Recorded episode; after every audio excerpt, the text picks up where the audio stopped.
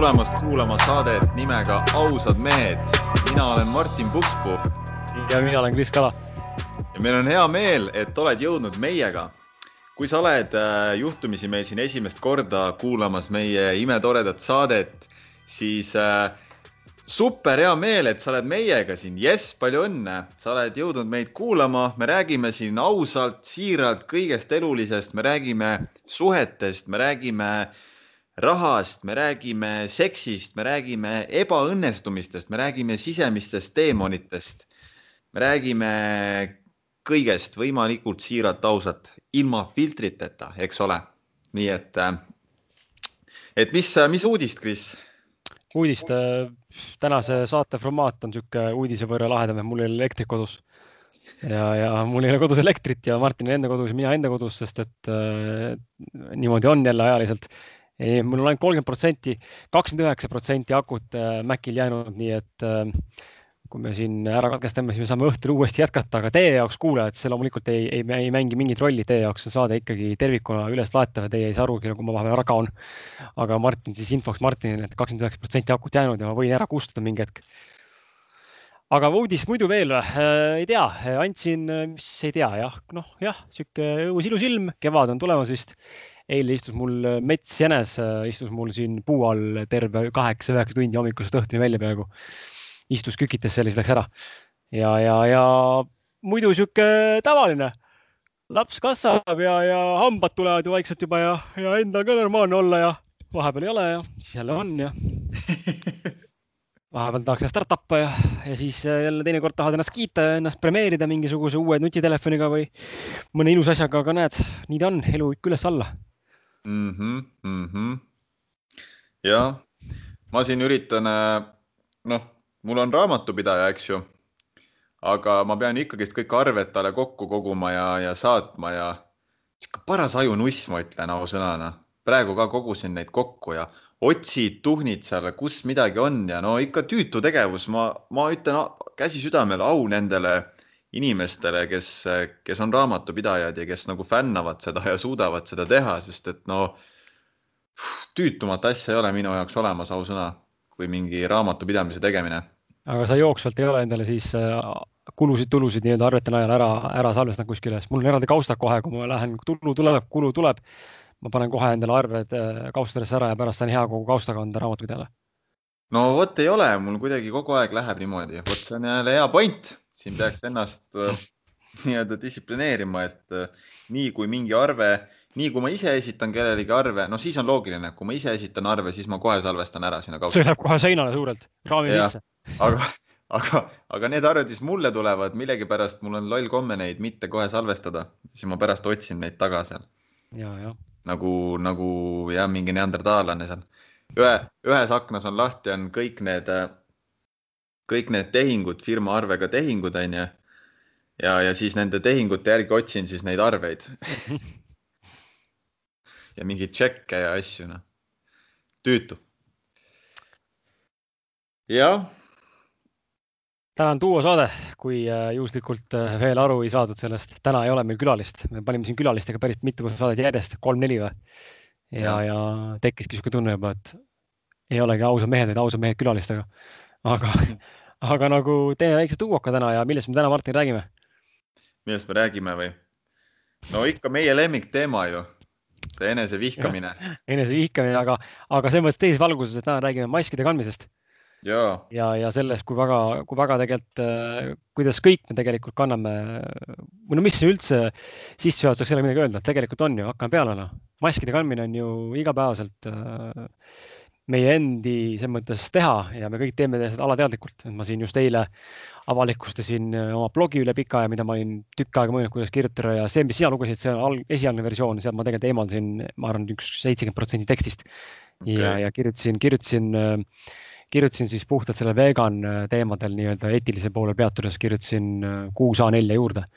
ja, ja, ja nüüd on see väga hea, et äh, läks küll välja ja, ja, ja, ja nagu saingi rääkida sel teemal just see maski kandmine, et see silt vegan oli minu jaoks ka väga suur mask, mida ma kandsin väga pikalt mm. -hmm. nagu, nagu ka kõiki teisi maske, et, et ähm, kannan täna siiamaani ja, ja mõnest olen vabanenud ja mõnest olen vabanemas ja mõnega on vaja veel tööd teha ja kindlasti on ka selliseid, mille, millest ma nii-öelda nagu teadlik ei ole veel mm. -hmm.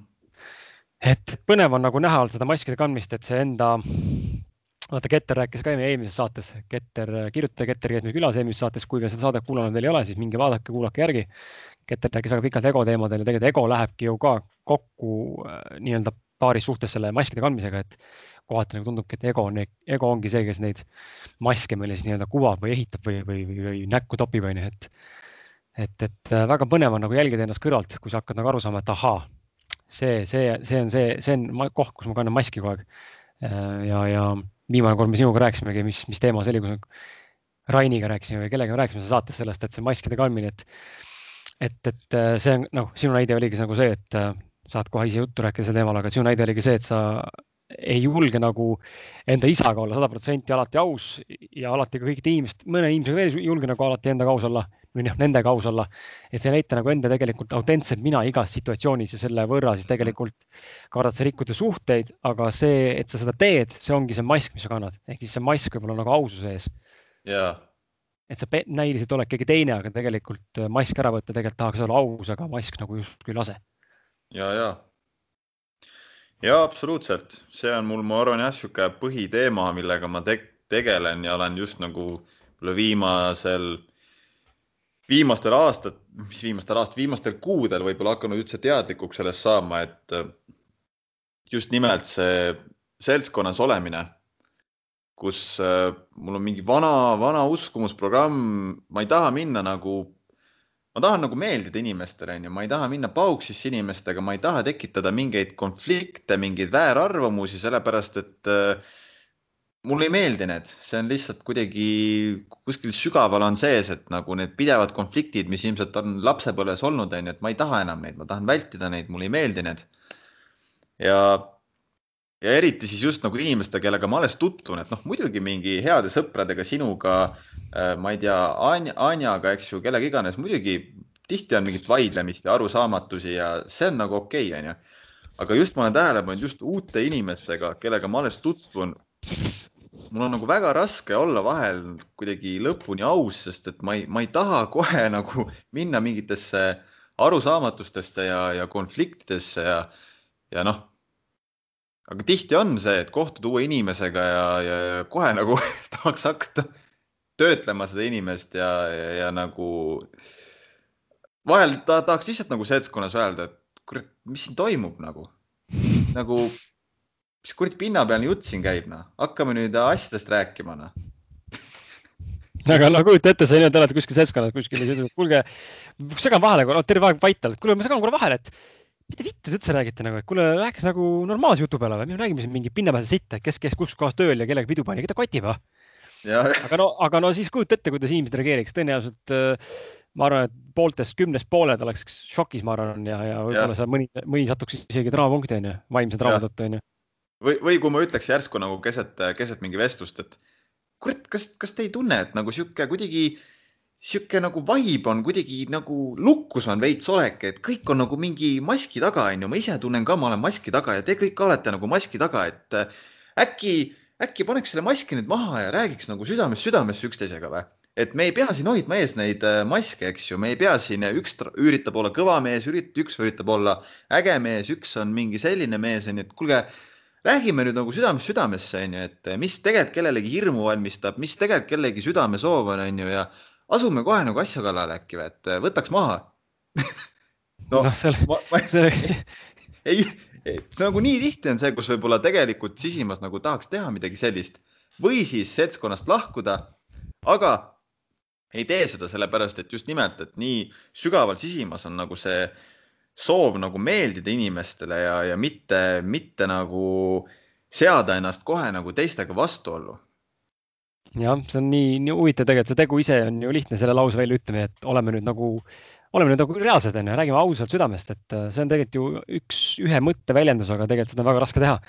sellepärast, et äh, kaalukausil on ju mitu nii-öelda võimalust, kuhu ta kukkuda võib, ongi see, et inimesed mõistavad hukka sind ja, ja võib-olla ei taha keegi sinuga suhelda onju ja võib-olla kui sellises situatsioonis nagu midagi välja öelda selliselt, siis võib-olla sealt ütleme seltskonnas olevatest inimestest mõned ei tahagi sinuga rohkem suhelda, kui, kui sa näiteks oled, oleksid käitunud nagu nii-öelda maski kandes mõnda aega, siis võib-olla tulevikus oleks see mask nagu võib-olla lihtsamalt nii-öelda nagu äh, ladestunud või nagu kadunud onju ja siis inimene oleks saanud tegelikult väga lähedaseks sõbraks sulle. aga tänu sellele, et sa välja ütled niimoodi, siis see on see, mis tekitab nagu tõrke onju. mina ise olen näinud enda elus väga palju seda, kuna ma olen sihuke, noh, kuna ma olen selline väga jälle sildistan, olen väga, mitte enesekindel, vaid väga aus ja otsekohene, ma ei ole, ma ei taha sildistada, aga mulle tundub, et ma tahan tahan olla ja olen käitunud niimoodi ja olen nagu justkui olnud niimoodi. et olen selline, nagu ma olen hästi sihuke au, au, aus ja, ja üritan olla otsekohene ja see toores ütlemine vahepeal on see, mis on inimesi nagu hirmutanud, aga samal ajal ja ma olen nagu näinud ka, et see on tekitanud äh, piisavalt palju probleeme selles mõttes tuleviku mastaabis, et mõned inimesed ei tahagi rohkem kuulda minust midagi mm. -hmm. mis on ka okei okay,, et aga, aga, aga lihtsalt nagu panebki mõtlema, et teistpidi nagu negatiivses aspektis või nagu ütleme siis pigem positiivses aspektis minu jaoks paneb mõtlema see, et aga võib-olla tulekski hoopis iga kord, kui ma tutvun uute inimestega, tulekski hakata neid kohe töötlema ja, ja tulekski hakata neid kohe suruma, et saada aru, kas ta on minu inimene või mitte, sest muidu ma raiskan lihtsalt sinna maski kandes mõttetult selle aja ära, onju, ütleme a la, et lähme sinna, no ole hea näide, lähme Riina ja Eveliga sööma, onju, sinna restorani nende saatevõitjatega. Ja oleks seal nagu siis olnud mingi julm, mingi maski kandmine, oleks tulnud kõik need kaks-kolm tundi kaua, istume seal ennast üli ebamugavalt, sihuke nagu vastik, sihuke, et öö ei taha olla ja siis oleks mõelnud pärast, et türa küll, noh, kolm tundi istusin ja tegelikult mitte sittagi ei saanud, mõttetu igav oli ka ja kuidagi nagu lamp onju. aga me vastupidi, kohe avasime ennast kõik neljakesi ja kõik oli hoopis sujuvam, palju mõnusam onju. et ja. nagu võib-olla tulekski hakata kohe toorelt ennast nagu välja elama ja näitama, kes sa tegelikult oled, mille eest seisad, millised on sinu väärtused, et näha, kas inimene, kellega sa kokku oled sattunud või kellega elutee on kokku sattunud, on sinu inimene või mitte sinu inimene mm. -hmm. ja väga huvitav, tegelikult ma nüüd samal ajal mul nagu lasin nendel mõtetel olla, kui ma sind kuulasin ja, ja milleni ma jõudsin, on tegelikult see, et ilmselt mida me kardame, näiteks mida mina kardan, miks ma, miks ma ei julge seltskonnas olla alati mina ise kohe, miks ma panen selle maski omale ette, lähen natukene nagu võib-olla vooluga kaasa. on just nimelt see, et ma ju tegelikult ma kardan iseennast avada, ma kardan ennast teha haavatavaks, ma kardan näidata, mida ma reaalselt mõtlen ja ja see, seeläbi saada naerualuseks, eks ole. et ma tahan, ma tahan nagu kuuluda, ma ei taha olla see, keda justkui jäetakse seltskonnast välja, kes on outsider, kes on mingi veidrik, kes on imelik, on ju, kes jääb nii, kes jäetakse nii-öelda, nii-öelda siis äh, armastusest ilma, kui me nüüd päris spirituaalseks lähme, on ju, ja nagu sügavaks lähme, et mis need sisemised protsessid, mis sa, samal ajal aset leiavad. et äh, siis tegelikult ju võib-olla, kui nüüd niimoodi läheneda, eks ole, et äh, öelda inimestele, et kuulge, miks te olete sellised, ma tunnen, et kõik on maski taga, et äh, tuleme nüüd välja, see on nagu süüdistamine, siis mm -hmm. inimestel tekib otsekohe see kaitsereaktsioon. aga kui ma nüüd suudaksin äh, näiteks sellises olukorras käituda niimoodi, et ma mitte kedagi teist ei süüdista, aga ma ütlen, et teate, tunnen, selline ärevus on sees, et selline tahaks nagu ennast avada ja tahaks rääkida sellest, mida ma päriselt praegu tunnen ja, ja, ja, ja mida ma sooviksin ja, ja aga, aga kuidagi kardan seda teha, et näen, et keegi, keegi, keegi väga ka vist ei, ei, ei räägi hetkel oma südamest ja, ja kõik hoiavad niisugust poliitilist joont ja ma tunnen, et mul on ka selline, ma ei taha hoida seda poliitilist joont, et ma nüüd otsustan, et ma nüüd räägin ausalt, mis ma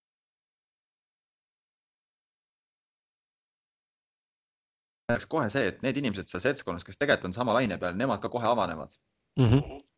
aga sellega, seda tehes ma panen ennast väga nõrka positsiooni, kus ma võin saada täiesti naerualuseks tegelikult. no loomulikult sa paned ennast väga alan-, alandavasse või noh, alandlikku eh, olukorda, kus sa siis oledki sihuke, et tahaks nagu tee, teil ennast avada, aga ei julge.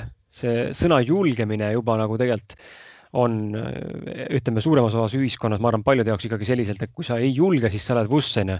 et ja. nagu eriti kui ütleb seda meesterahvas, et ta ei julge nagu öelda või midagi mõelda või midagi teha, mis on niisugune nagu okei okay,, eriti seltskonnas, et ma ei julge öelda, mis ma praegu arvan, siis vaadatakse kohe, et ei tea, raisk, türa see vend ikka on kusik raisk. aga no, aga samal ajal nagu avaneb see kindlasti ka teise, teisele poole seda, seda uksi, et on inimesed, kes seda kindlasti tunnevad, et oh, davai onju, et üli, ülihea selles mõttes tõesti noh mm. -hmm. see on jah, ma arvan, et. see ongi, huvitav ongi see, et äh, selleks, et hakata niimoodi reaalselt elama ja käituma, selleks peakski olema see nii tugev enesearmastus, eneseusk, et ma olen valmis saama mingist seltskonnast välja tõrjutud. näiteks ma ütlen seda, ma näen, et äh, kõigil tuleb jõhker plokk ette, keegi ei ole nagu avatud ja, ja nii-öelda naerdaksegi mind välja ja, ja vaikselt üritatakse hakata mind eemaldama alateadlikult seltskonnast, onju. et äh, selleks mul peakski olema selline eneseusk, et ma olen valmis äh, leppima sellise tagajärjega, et okei okay,, ma näen, et lihtsalt need ei ole minu inimesed ma ei sobi nendega kokku, et uh, fuck it, ma lähen ise ära siit ja mul ei jää mingit halba tunnet sisse, et uh, ma olen mingisugune kusine vend, onju, kes ei suuda inimestega sotsialiseeruda. ja see, et neile sinust jääb mingisugune ebameeldiv uh või noh, nende jaoks jälle ebameeldiv oleks silt, aga e-, nende jaoks ebameeldiv, et sa läksid minema ja vaataks, et tule see vend oli küll imelik, no mida vitte noh. et nagu siis see on nagu nende enda valik ja see on okei okay. ja, ja, ja tegelikult lõpp-produktis mul toob iga kord nüüd meelde, ma räägin, see Maikeni lause ikkagi kõlas nii hästi, sest et kuigi me kõik teame seda, aga ta kunagi sõnastas nii juhustusel, et et kui ma teen nagu enda jaoks õiget asja, siis ma ei saa mitte kunagi eksida. ja, ja, ja mulle nii väga meeldis see mõte, sellepärast et kui sina otsustasidki lahkuda näiteks toomegi näite, et sul on mingi seltskond, kus otsustad lahkuda, sellepärast et sa ei tunne, et need inimesed on sinu omad, näed nagu läbi seda asja. ja siis eh, ne, nende arvates on see nagu imelik, onju, ehk siis just.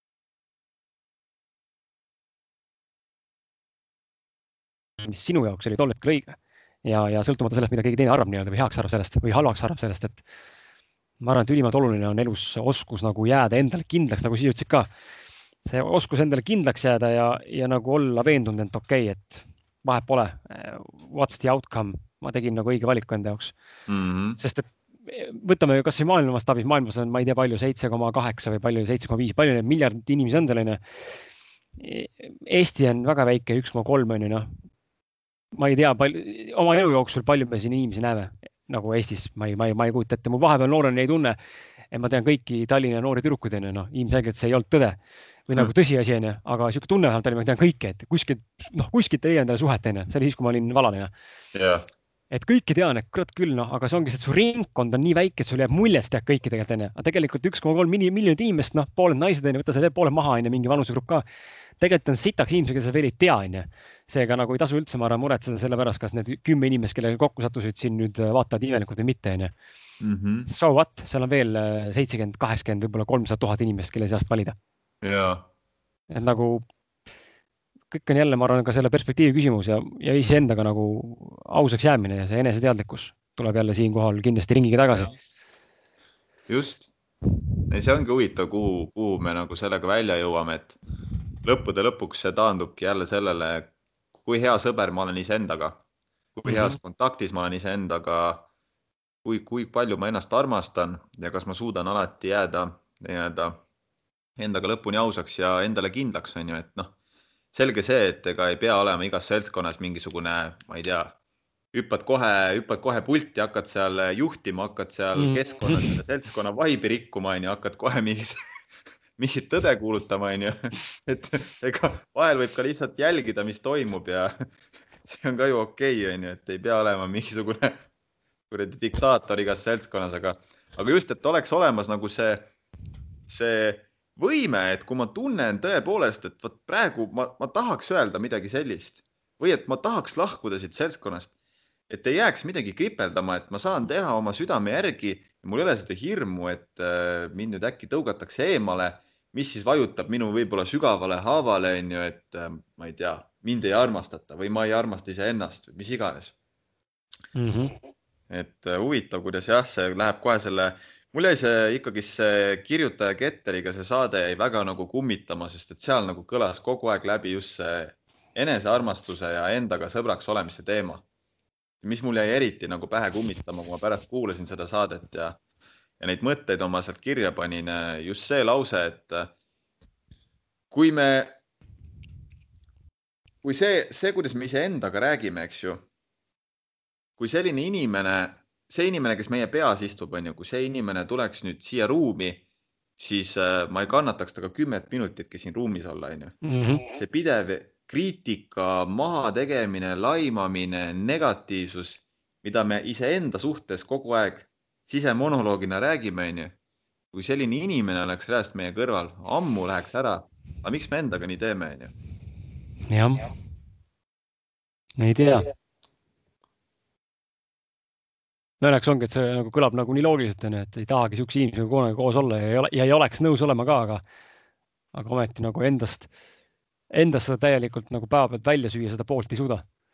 et nüüd järsku olen nüüd, et seda, seda halba kritiseerivat nii-öelda olemust või olekut ei eksisteeri enam minu sees, et see ikkagi on ja, ja naljakas, et ta nagu tuleb õppida sellega koos elama või siis koos kulgema või tõesti lahendada kuidagi niimoodi ära, et ta lõpuks hakkab siis kaduma.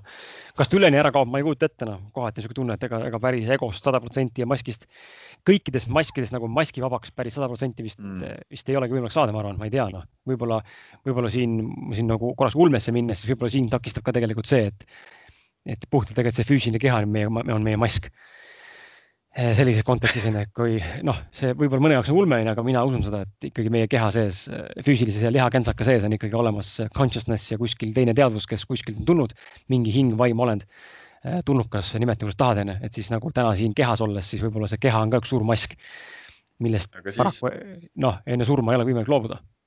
siis tuleks juba nii ka mõelda, et see vaim, olend on ka mask äkki see on võimalik, et, ta on mask. et see hing on ka mask, et äh, lõppude lõpuks ongi ainult, ainult consciousness millel ei olegi mingeid piire. jah. aga um, midagi ma tahtsin öelda. mul, mul oli ka mingi näide enda elust enesest, mul ei tule praegu meelde, läks meelest ära. jah, mul läks ka meelest ära mm.. oli mingi hea, hea mõte ma korra mõtlen. kuulajad, tule.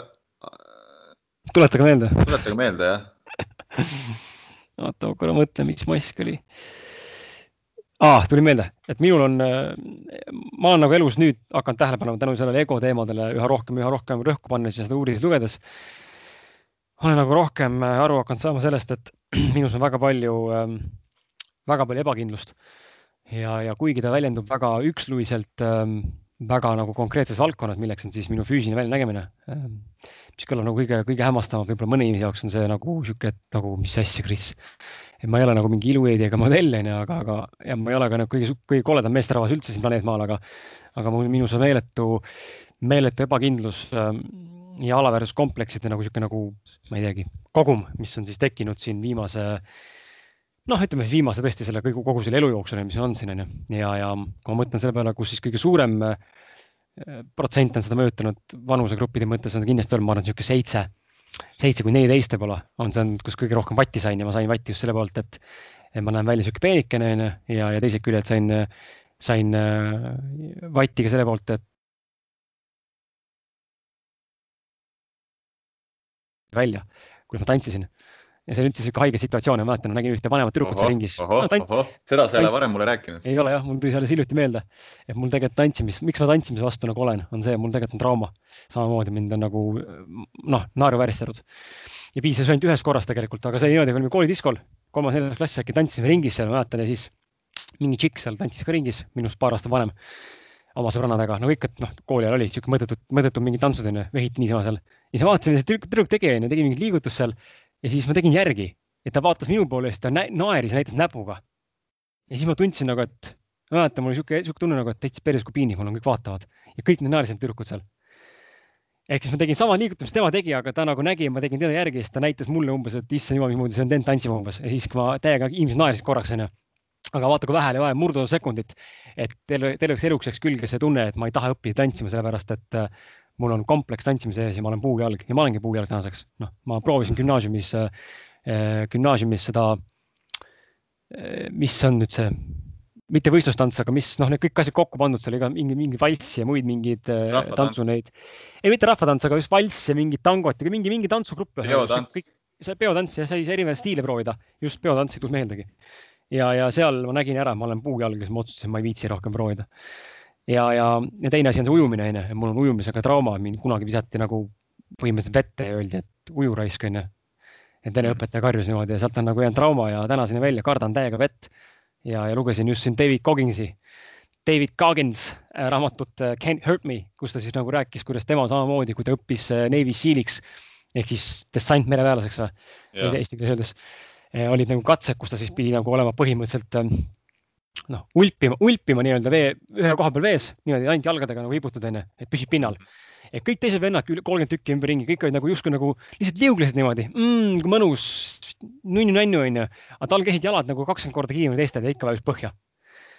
ja siis ta ütleski, et ta on jäänud nagu mulje samamoodi, kuigi tänaseks on ta sellest nagu veehirmust üle saanud eh, tänu pidevale nagu repetition'ile ja pidevale proovimisele, siis ikkagi ta ütles, tal on niisugune tunne, et mõned inimesed ei ole mõelnud ulpima ja ta rääkis hästi sellest huvitavalt, et ongi mõnel inimesel, mõni inimene lihtsalt ei ole see, kes sobiks veekeskkonda. ja mul on tunne, et ma olen nagu kas nüüd on see, et ma ei sobigi veekeskkonda, sest mind pole kunagi vee, veespordid nagu väga huvitanud, aga, aga kindlasti mängib ka rolli siin see trauma, mis nagu tekitas selle, ma, ma jälestan vett, ma, ma ei taha nagu minna, mul on null huvi. nagu tahaks loomulikult proovida mingit supplauaga mingi aerutamist ja mingit surfi võib-olla ja mingi, lihtsalt ujuda, ulpida kuskil mingi kose all. kihvt oleks nagu näha elu veekoguna sees olles, vaata inimesed, kes, inimesed, kes oskavad ujuda, ei kujuta üldse ettegi, mida mina mõtlen, kui ma mõtlen selle all, et huvitav, mis tunne oleks olla kuskil järve keskel ja vaadata ümberringi, ma ei tea, sest ma pole kogenud seda ma tahaks seda kogeda, minu jaoks nagu niisugune tunne, nagu ma lendaksin või nagu, aga ma ei julge seda isegi proovida, sest ma kardan ära uppuda ja mul on isegi nii suur hirm ja ma kardan isegi erinevate mingite turvameetmetega a la turvavesti, turvavestid, need ujumisvestid onju või mingisugused päästevestid või mingid rõngad ja mingid, ma kardan nendega olla, ma kardan, ma uju, mitte uju, vaid, vaid upun ka nendega ära. mul on nii yeah. nagu suur pseudo nagu traumeering, et ma kardan ka nendega olla yeah.. ja, ja ja siis ma olen ka aru saanud sellest, et minu enesekindlus, mis ma siin olen välja elanud, end, endas elanud, on see, et minu see eneseväljendus ja kirjutusoskus võib-olla ja sõnaline, suuline väljendus on nagu tegelikult üpris hea. loomulikult arenemisruumi on kõvasti nagu alati. aga, aga mul on alati olnud nagu need küljed head ja ma olen olnud hästi avatud ja ma olen hästi selles mõttes sihuke nagu olnud klassi sihuke narr ja jokker, sihuke teen nalja ja teen mingeid absurdseid asju ja ikkagi nagu näha, näidata ennast nagu selles mõttes positiivse ja, ja sellise enesekindla, siukse nagu funny guy nii-öelda onju ja kuigi minus on ka sügaval olemas, aga ma näen, et minu, ma olen seda kõike kinni tegelikult, äh, ma olen enda seda e ebakindlust nendes valdkondades kinni mätsinud selle näilise nii-öelda nagu noh, mingite nagu meetmetega et ja. see ei ole nagu, see ei ole nagu võltsunud, et ma ei ole see, ma olen kogu aeg fake inud seda, ma nüüd üritan olla mingi seltskondlik, ma olengi seltskondlik, aga ma näen, et see on see mask, mida ma olen nagu väga hästi kandnud, Kett ütles ka, et, et ta on väga tubli maskide kandja olnud viimased kümme aastat. ja ma näen, ma olen ka väga tubli maski kandja just selles valdkonnas, et kanna, mitte kanna kitti, vaid katta kinni, saad sassi, katta, kanna kitti onju, et katta kinni enda neid ebaküpseid ja, ja eba nagu äh, ebakindluseid teises valdkonnas. ahah kaksteist protsenti akut. okei okay., no samas me oleme pool tundi juba salvestanud, et jah, aga jah, samas selle vee, vee asjaga, mis ma mõtlesin. Ma arvan, et sa kindlasti võiksid ennem äh, selle hirmu endas lahustada ja siis alles otsustada, et kas sa oled veeinimene või ei ole mm. -hmm no mul huvi ja. on, selles mõttes huvi on, ma olen teinud otsuse juba, et ma sellel aastal, sellel aastal kuidagi, ma ei tea, kus kohas siis kasvõi lähen, ma ei tea ma ei tea, no lähen kuskile kuradi, ma ei teagi, noh, mingisse täiskasvanute ujumiskursusesse, pohhui, noh, mul on lihtsalt meele, meeletu piinlik on minna, õppida ujuma, olles kakskümmend seitse, onju. vastik tunne veits, aga see ongi jälle see, et tuleb lahti lasta sellest ja kui ma tahan ja. õppida, siis tuleb teha. mäletan, lugesin Tim Ferrise blogi, et Tim Ferris õppis ka alles neljakümneselt ujuma nii-öelda. et, et ähm, nii on mõne, noh, nii on lihtsalt midagi teha. ma arvan, ma arvan, et äh, no kui ma lihtsalt praegu üritan omale ette kujutada seda protsessi, et kuidas seda kuidas seda hirmu ja traumat endas lahustada.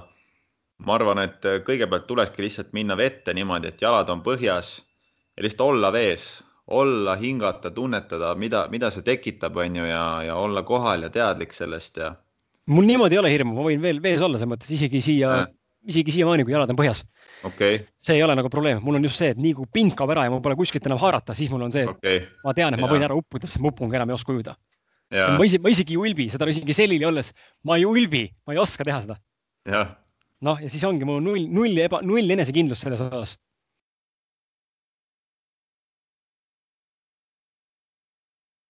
nojah, see on, see on niisugune keeruline värk ja ma tean Austraalias olles, kui ma elasin seal um, Gold Coastil ühes, ühe perekonna juures majas, siis neil oli bassein, välibassein ja seal ma sain ujuda küll nende, mis on need kuradi poroloonist, mis iganes materjalist, need torud, tuubikud, siuksed torud väiksed panin kaks tükki enda kaela alla ja siis ma nagu ulpisin ja ujusin ja tegingi reaalselt konnaliigutusi ja ürit- ja kõik oli korras, ma nagu sain aru, kõik on okei okay.. aga, aga ilma nendeta noh, ei tule kõne allagi. juba ühega oli raske, hakkasin vajuma põhja. huvitav jah, vot see on, see on nagu minul on see esinemishirm, et see võib ka olla vabalt, et ma ei, ma ei olegi loodud, ma ei olegi loodud olema selline inimene, kes on nagu inimeste ees ja teeb mingeid koolitusi ja esineb, võib-olla ma ei olegi loodud niisuguseks inimeseks, ega ma ei tea. Aga ma tahan kindlasti enne selle hirmu ja trauma endas lahustada mm -hmm. niimoodi, et ma ei tunne enam seda meeletut, meeletut ülevoolavat ärevust ja hirmu.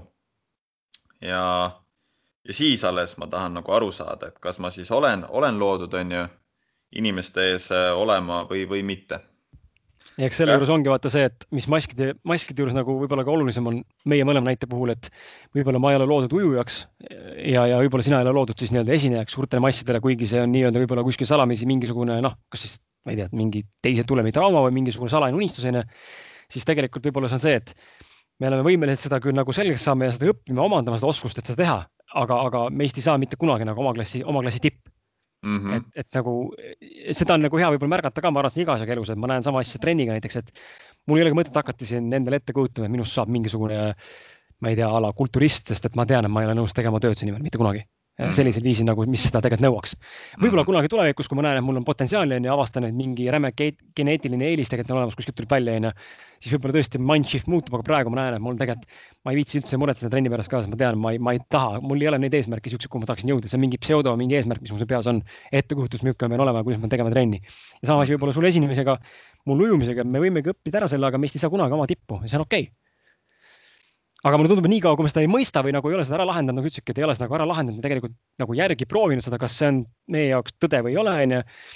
siis, siis senikaua see kripeldabki meid ja senikaua see ongi sihuke häiriv, häiriv faktor, et, et tahaks nagu kogeda seda, kas ma äkki sobin siis kolme tuhande inimese ette rääkima või kas ma ikka sobin ujuma kuskil võistlustele või mingid, ma ei tea, mingi kuradi olümp olümpiakatsetele onju, noh et, et noh, võib-olla tulebki proovida ja aru saada sellest, et see ei ole meie jaoks et võib-olla ei piisa sellest nagu mentaalsest nagu mõistmisest, vaid sul on vaja saada füüsiline kogemus, mis kinnitaks sulle, et tegelikult see ikkagi noh, kurat ei ole ikka see noh, ei ole see.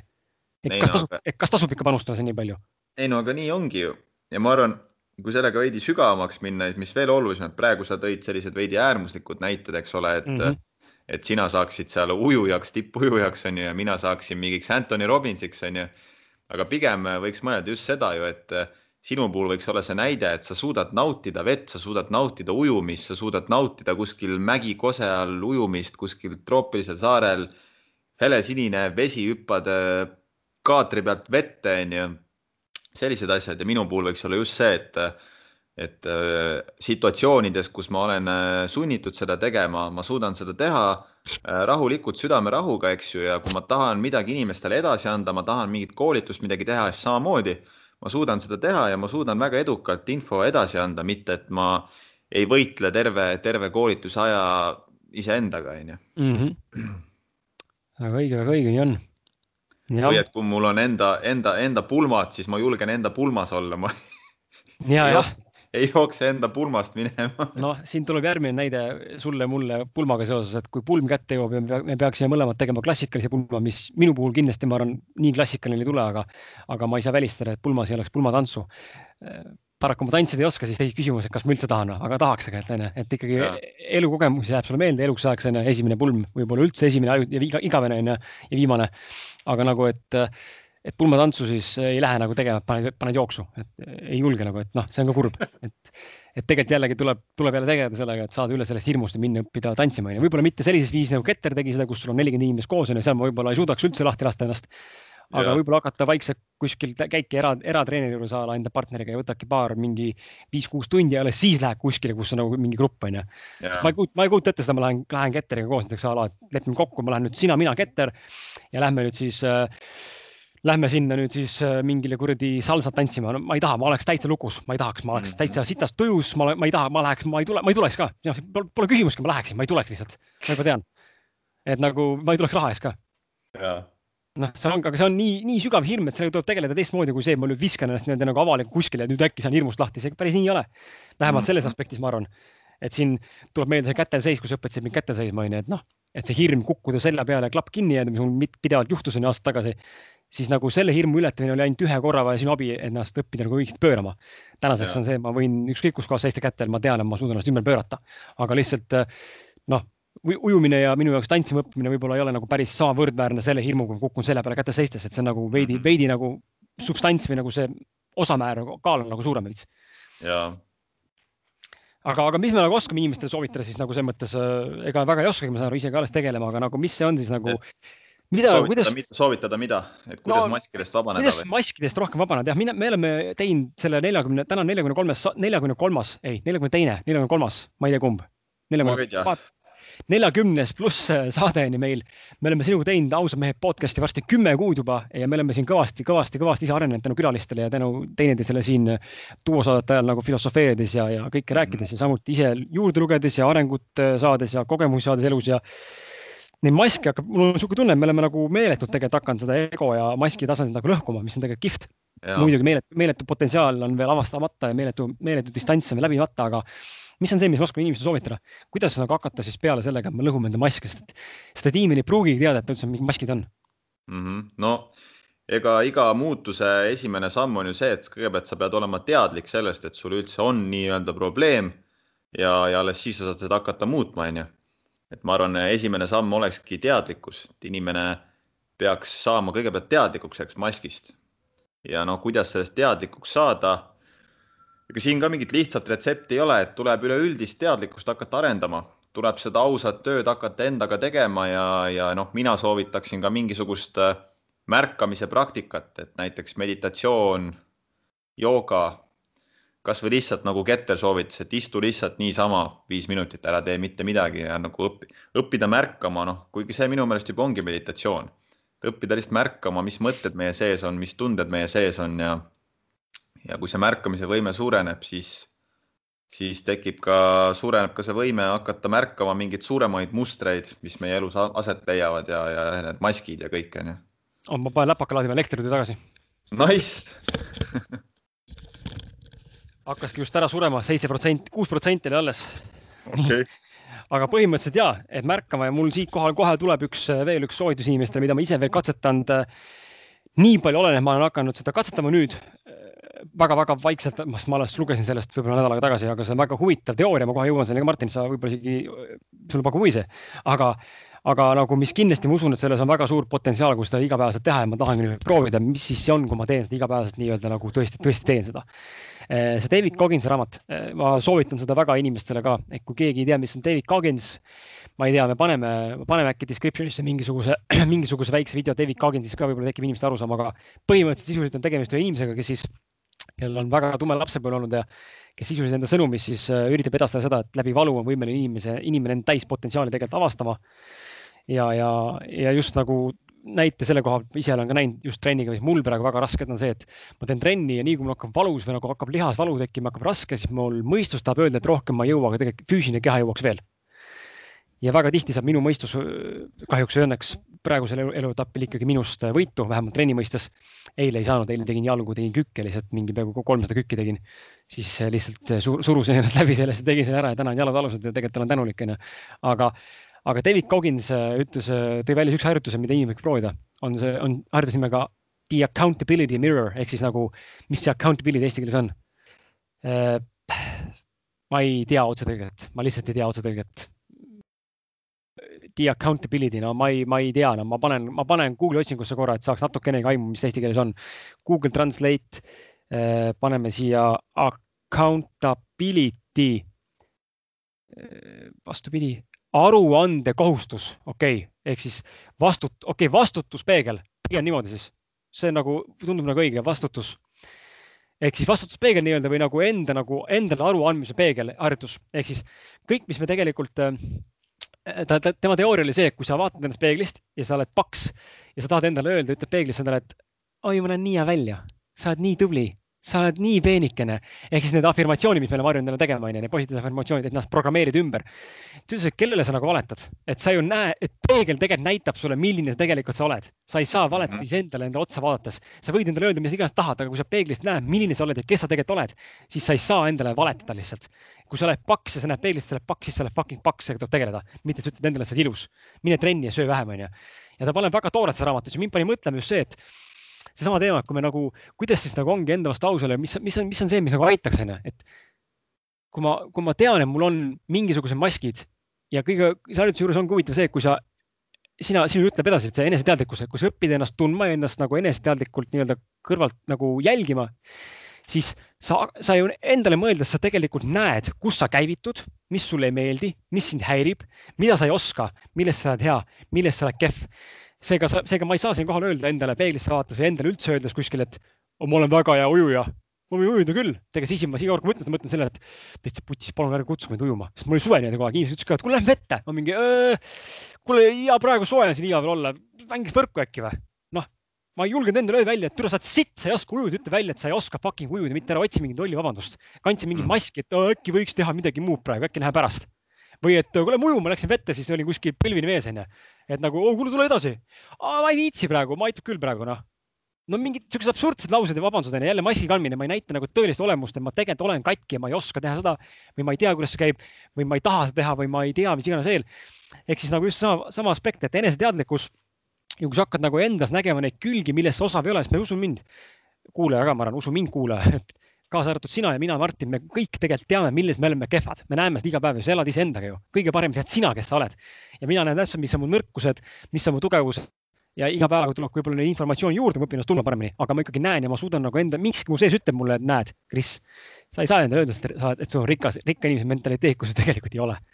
Seega ma ei saa endale valetada, ehk siis eneseteadlikkus toob välja tegelikult need asjad, milles sa oled kehv. Ja nüüd on see aeg, kus ongi see accountability ehk võtta see vastutus selle eest vastu endale, et saada aru sellest, et tunnistada endale ka, mis on kõige, kõige hullem inimeste jaoks, ma arvan, inimesed võivad, võivad nagu teadus, teadvustada endale midagi pahasti, aga väga raske endale tunnistada, et see tegelikult on tõde. ja nüüd on see kettirjutt ka onju, kas see on sada protsenti tõde ja kui on, siis tuleb sellega tegeleda ja mina näen seda, et äh, see David Cogginsi harjutus, panna kirja endale asjad, mis tekitavad frustratsiooni, on ju, mis on sind häirinud lapsepõlvest saati, kirjutada see täielikult ausalt välja ja kirjutada, kirjutada just jälle see päevikupidamine, kirjutada endas välja see, mis su e-, sees tekitab seda sitta, sitta või halba tundeid ja mis tundub sulle, justkui maski kandmine ja küsida neid küsimusi endalt kogu aeg. kui lõpuks ei ole enam võimalik endale miks küsimusi esitada, sest sa vastanud kõik küsimused ära.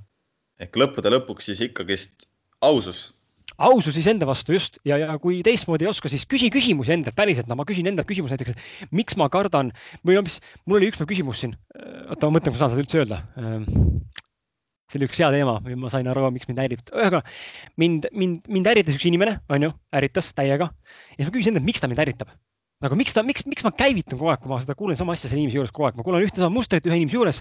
miks see mind närvi ajab raisk? See ei ole mina, see on tema elu, nahku mul nii huvitab see. ja ma sain käest aru, et mul on olnud lapsepõlves trauma sellest, et minu üks vanematest on käitunud ja läbinud seda mustrit ja mulle kuvanud seda niimoodi, et ma olen hakanud seda vihkama ja põlastama inimest, kes seda mustrit kannab. Ja. ja ma käivitun sellepärast, sest mind ajab see muster närvi, sest minu jaoks on see vale. ehk siis mind ei häiri inimene, vaid mind häirib see muster, mida see inimene omab ja tänu sellele ma käivitun lähen närvi mm. -hmm. ehk siis nagu küsida neid küsimusi endalt, et kui mind ärritabki see, et ma ei tea, ala Martin on soft või mu sõbranna on selline või ma ei tea, noh, mind tegelikult ei häiri, et Martin soft ja Martin ei olegi soft, ma lihtsalt tõin näite onju, aga, aga nagu elukaaslane sihuke, isa on sihuke onju või, või trennis ei lähe hästi või, või ma olen nii peenikene, siis miks see mind häirib, mis on see, mis tekitab minus seda frustratsiooni, miks? ja mis on see lahendus, et tahan olla suur, miks? sellepärast, et siis ma, ma ei tea, a la äh, olen rohkem mehisem, onju. miks ma olen siis rohkem mehisem? No ja niimoodi lõpuks jõuad selleni välja, et tegelikult sa saad aru sellest, et väga palju asju nende maskide ehitamises või meie maskide kandmise nagu ütleme, nende, nende nagu, eh, mis see sõna on, nende hingedel või nagu nende mitte, mitte, mitte vaimhingedel, aga nagu uksehinged ka, need klambrid, mis siin on mask meie näos. et need tegelikult on nagu nii mõttetult hoiavad kinni seda, see on nagu tegelikult täiesti olematu mingi asi, mis ta kinni hoiab, et kui ma suudaks ainult seda lõhkuda, siis tegelikult saaks selle maski siit ära võtta lihtsalt.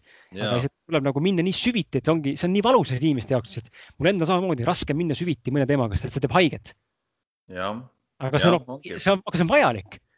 jah, jah. ja kui nüüd rääkida nendest, äh, me andsime inimestele nüüd nõuandeid, eks ju, et kuidas siis neid maske lõhkuda vaikselt on ju, et see mhm. kõigepealt teadlikuks saamine, siis lõpuni endaga aus olemine, endalt äh, vastavate küsimuste küsimine, mis aitaks jõuda selle asja tuumani. ja nüüd lõppude lõpuks, näiteks eile ma ma kuulan ühte väga head audiobook'i praegu, mis tegelikult äh, räägib, äh, räägib kauplemise psühholoogiast, et äh, kuidas olla siis aktsiaturul, valuutaturul, mis iganes turul kaupleja, eks ju, ja räägib just sellest psühholoogiast. ja väga tark mees, väga süvitsi läheb ja tegelikult seal. saada mulle ka see. ja, seal ta räägib ka uskumustest ja räägib sellest, kuidas meie uskumused äh, sõna otseses mõttes kontrollivad seda, kuidas me kaupleme ja ta toob seal ka igasuguseid erinevaid näiteid.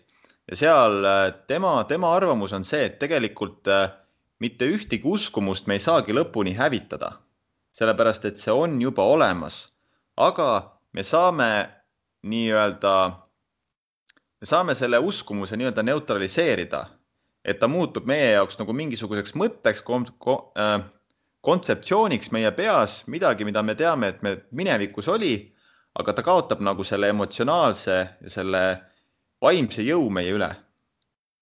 ja, ja noh, tõenäoliselt see ongi see protsess, et mida rohkem me saame teadlikuks nendest maskidest, nendest mustritest ja, ja siis selles olukorras siis otsustame valida teisiti, otsustame kasvõi ühe sammu võrra, kasvõi ühe kraadi võrra valida teine suund, siis tasapisi me hakkame nagu tekitama omale uut uskumust ja see vana uskumus hakkab kaotama jõudu ja energiat, kuni ta lõpuks ongi lihtsalt nagu mingi kontseptsioon, mõte mm, -hmm. mis ei oma enam mitte mingit jõudu meie üle.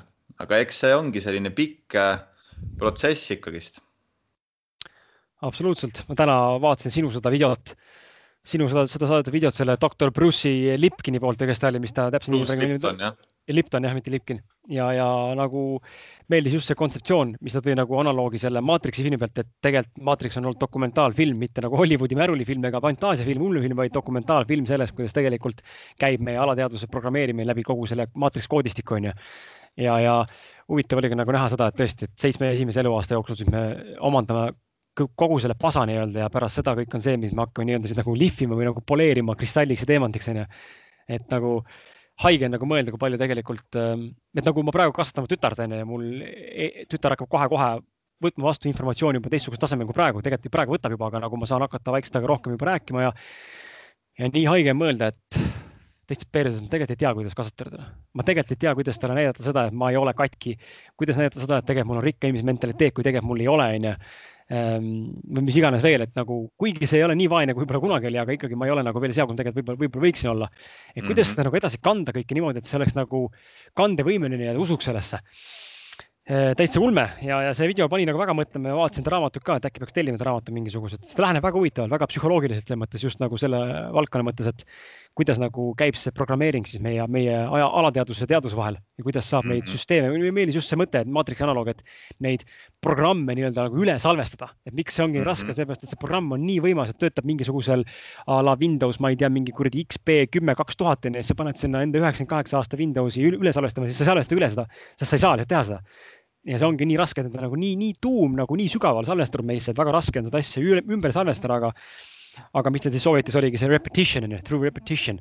Ehk siis no igapäevase järjepideva tege, tegutsemise ja nagu korduvate nagu korduva tegevuse kava on ju.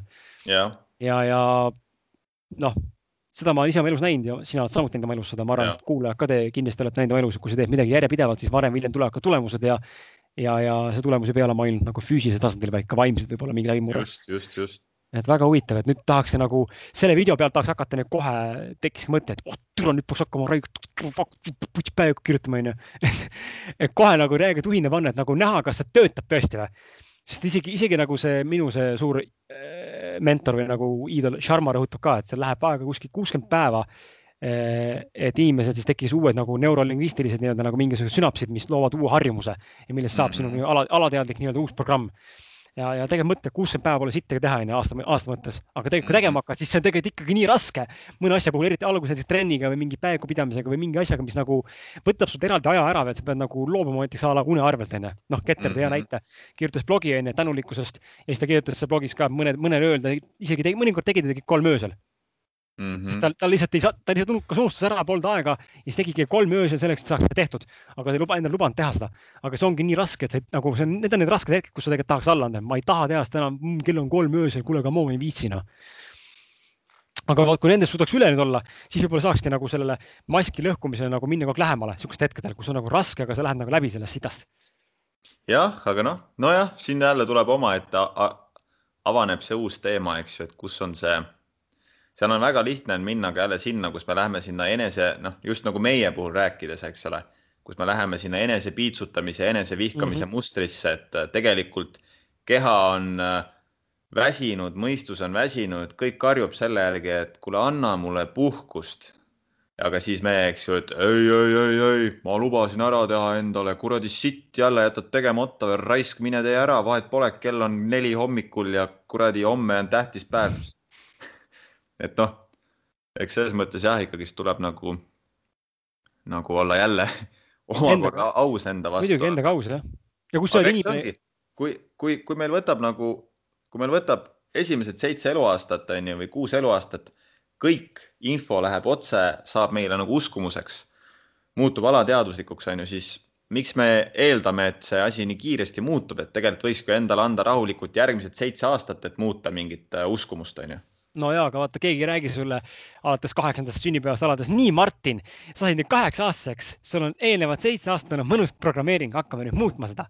noh, esiteks sa ei saa arugi, millest räägitakse, onju, kaheksa aastaselt, sa ei ole võimeline hoomama seda infot, mis me täna sinuga võib-olla suudame nagu analüüsivalt mõelda ja, ja teiseks, mis ongi huvitav fakt, ongi see, et ma just Eliisega rääkisin ka sellest enda elukaaslasega, kui keegi kuulajatest juhuslikult ei tea, see elukaaslase nimi on Eliise aga rääkisin Eliisega, et, et vaata, kui huvitav tegelikult on see, et püüa nagu mõelda, mida sa, mida sa mõtlesid teadlikult seitsme või kuueaastaselt. ma huvi mäletan ma ei mäleta üldse sihukest asja, kas ma oleks teadnud. ei peagi mäletama ju. jah, aga nüüd ongi see point. vaata, vaata oma praegust aga... elu ja me näeme, mida, mis, mis seal on. ja just, aga ongi see, kui sa nüüd nagu tahad nagu mõelda selle peale, et kuidas ma oleks saanud siis seda kõike nagu nagu mul oligi alateadlik elamine, ma ei mäleta mitte midagi enda elu teadlikku elamisest seitsmeaastaselt kuni seitsmeaastaseni. järelikult oligi puhas alateadvus ja ma ei saanudki seda mitte kuidagi kontrollida, ega ei oleks saanud seda mitte kuidagi kontrollida, ega seda muuta, ega aidata kaasa asjale. Isegi kui mul oleks, isegi kui oleks info olemas olnud, siis ma poleks suutnud seda vastu võttagi võib-olla. absoluutselt. aga see ongi see, et seda esimest seitset eluaastat meil ei ole mingit kontrolli selle üle, selle, selle ongi elu meie eest ära otsustanud, on ju, et sa sündisid sellisesse perre, sul on sellised vanemad sa said omale kaasa sellised mustrid, sellised tõekspidamised, uskumused ja nüüd vaata ise, mis peale hakkad. et kui sulle meeldivad need uskumused, mustrid, väga hea, palju õnne, sul on ilus elu. Kui sulle ei meeldi need uskumused ja mustrid, siis äh, kaks varianti, kas ole ohver, kannata ja siple ja, ja, ja, ja ole kurb ja õnnetu ja ohver elu lõpuni või siis hakka muutma neid ja anna omale kümme aastat vähemalt, et äh, muuta neid, onju mhm. Nii et põhimõtteliselt võib öelda, et elu ei hakka mitte sünnist, vaid elu hakkab seitsmendast eluaastast. Et enne, enne sind nagu ei ole olemas, sa ei saa mingit kontrolli, mitte midagi teha lihtsalt. väga huvitav jah. Ma olen tähele pannud enda, enda väikse tütre puhul, kes praegu eile sai viiekuuseks, et äh, kui ma õhtuti näiteks loen Eliisele ette äh, voodis, et noh, tütar nagu uinub, onju, ta natuke seal sipleb voodis ja siis äh, loen mingit artiklit või mingit asja Eliisele ette, näiteks raamatust või mingit lõiku, siis ma näen, kuidas mul tütar jälgib mind niimoodi lihtsalt nagu klaasiste pilguga. Ja kuulab, isegi kui, isegi inglise keeles, ta lihtsalt kuulab niimoodi. ülirahulikult lihtsalt vaatab otsa mulle kogu see aeg, kui ma räägin, ehk siis mul on tunne tegelikult, et tegelikult on võimalik ikkagi juba nagu, nagu ongi programmeerida ka nende asjade kaudu, mida ma tegelikult ette loen mm. -hmm. või mida ma teen, et tegelikult, tegelikult ta saab infot kätte, see alateadvus saab infot kätte. ta on täiesti hüpnoosis, vaatab otsa ja kuulab niimoodi, et. no muidugi, ta ju võtabki, ta imebki ju kõike, ta imeb, ta imeb seda, seda vibratsiooni, seda energiat kõike seda sõnamulinat, millest ta midagi aru ei saa, ma arvan, see ongi see, et nii noored nad noh, nad ei, neil ei ole ju, nad ei tea ju sõnu, neil ei ole neid kontseptsioone, nad ei oska mingeid seoseid luua, aga nad tunnetavadki ilmselt seda energiat. ja, ja see energia on see, mida nad võtavad vastu ja mis muutub neile nagu omaseks, on ju. Mhm. et ongi noh, kui ongi, kui vanemad on pidevalt näiteks muretsevad, kui vanemad on pidevalt õnnetud, siis noh, laps ei saa midagi aru, aga ta tunnetab seda, et kogu, kogu tema maailm muutub õnnetuks aga kui vanemad on siuksed õnnelikud, muretud, siis selle lapse maailm muutub ka õnnelikuks ja muretuks mm. -hmm. jah, ei väga põnev, see maskide kandmine on äh, selles mõttes põnev, põnev ja oluline teema, sest et sest et äh, neid maske on ikka sitaks ja, ja siin nagu ma kirjutasingi blogipostituses ka, et et kõik need maskid, noh, me oleme rääkinud täna suht tegelikult sügavates maskides võib-olla ja sihukest nagu juurdunud maskidest, aga tegelikult on pinnapealsemad need sildid onju, et mina olen kirjanik ja eh, mina ja. olen ausa mehe, ausa mehe podcast'i siin eh, hääl ja sa oled personaaltreener ja ma olen Kris Kala üldse ja ma olen inimene ja ma olen eh, Martin ja need kõik on tegelikult ju ka maskid, mida me tegelikult kanname, me nagu nimetame, me nagu kooskõlastame ennast mingisuguse nagu nimetava mingi ole, mingi olemusliku asjaga, mis tegelikult ei ole üldse olemas, onju me anname mingi sildi ja nüüd see oleme meie, onju. tegelikult ei ole, meie oleme meie ja kas see silt ei, silti nagu ei määratle meid. või noh, tegelikult laseb, selles mõttes ta võib meid määratleda, kui me laseme ennast määratleda sellest, sest et ilmselgelt on inimesi, kes lasevad ennast määratleda siltidest mm. -hmm. aga põhimõtteliselt on huvitav jah, et tegelikult on lihtne astuda välja ka sellest, et et ma ei ole turundusspetsialist või mina ei ole, ma ei tea, mina ei ole personaaltreener, vaid ma, ma ei teagi, teen ma olen inimene, kes, ma ei tea, kuidas seda paremini sõnastada enda jaoks siis, aga, aga saada aru sellest, et sa ei ole nagu tegelikult nagu see silt, vaid sa oled ikkagi inimene, kes lihtsalt tegutseb selles vallas selles inimesena. et, et nagu põnev, põnev on see maskide teema, kui te lugejad, lugejad, kui teie kuulajad äh, praegu kuulete meid ja, ja peaks olema mõni huvitav raamat, mida soovitada, mis tänase teemaga kokku läheb, siis kirjutage meile ausad mehed alles, ma loeks hea meelega. Äh, kui te juhuslikult olete kokku puutunud, selles mõttes, et uh, why not uh,. jah, mis veel, mul ei ole midagi rohkem eriti öelda. ega mulle tundub ka, et sai nagu räägitud kõik jälle ja kuidagi nagu meil tavaks on saanud, et kui me duo saadet teeme, siis kuskil Tunniga. tunni aja peal on see punkt alati, kus on see tunne, et oleks aeg lõpetada. huvitav jah. kui te veel kuulanud ei ole juhuslikult Peep Vainu saadet, mis ilmub meil mõned saated tagasi, hashtag nelikümmend saade, siis soovitame Peep, Peep Vainu saadet kindlasti kuulata sellepärast et Peep Vain äh, oma saatega jõudis just top number viiendale kohale meie ausad mehed repertuaarist, nii et palju õnne, Peep ja palju õnne teile, kuulajad, et te olete andnud Peebule võimaluse enda sõnumit levitada ja meile ka selle võimaluse andnud, et jagada siis äh, enda ja teiste inimeste mingisugust äh, sõnumit ja väärtust teiega. ja, ja ma ei tea, tõmbame otsa no, kokku või? egas midagi jah. olge ikka olge ikka ausad ja olge ikka mõnusad ja. ja, ja see palve ka meile, iga, iga saate palve. no ikka, ikka, kui sulle saade meeldis, siis ole hea, jaga ikka sõpradega ka seda. tood meile kuulamisi juurde ja, ja, ja, ja äkki aitad kellegi, kellelgi jälle teadlikumaks saada iseendast. jah, huvitav on see, et kuskilt ma lugesin, et äh, päris paljud ah,, Peep ütleski, et päris paljud Eesti podcast'id väidetavalt ütlevad sama asja lõppu. et tooge meile vähemalt üks kuulaja ma ei ole kordagi kuulnud seda. aga võib-olla, ma ei kuula ka muidugi Eesti podcast'e, vale öelda praegu, ma pole kordagi kuulnud seda. ma mm. ei kuula Eesti podcast'e eriti, võib-olla tõesti ütlevad. no eks see levib ju siuksed, nagu sa, nagu meie võtsime selle samamoodi, eks ju. Andy Frisella podcast'ist, eks ta, eks ta on sihuke hea asi, mida, mida, mida, mida soovitada inimestele ja. ja see ei võta tükki küljest ära ka. levib, levib sihuke soovitus. jah, soovitusturundus jah. tegelikult võiks soovitusturundusest ühe saate teha küll. võiks, võiks, me peaks on... kutsuma. jah. kutsume, kutsume selle. Andero. Karl või Andero jah, või siis, või siis selle Karl Kennet Park ja. kus on mõlemad? kes seda Forex, Forexit teeb. kutsume mõlemad korraga jah siis no. müüvad üksteisele üks.... müüvad üksteisele maha, nad. üks, üks kutsub ühte ühte firmasse, teine teist teise aga tegelikult okei okay,, tasub mõelda, et tasub mõelda, miks mitte. jah. aga selge noh. jah. mis siin ikka pikalt jahuda. mis siin ikka jah, davai. otsad kokku ja, ja pillid kotti ja saade üles ja, ja siis teile kuulamiseks. just.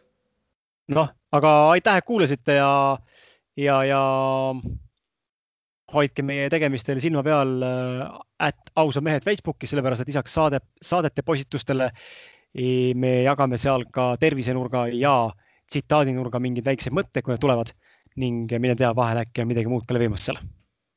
jep. Davai. tšau. tšau.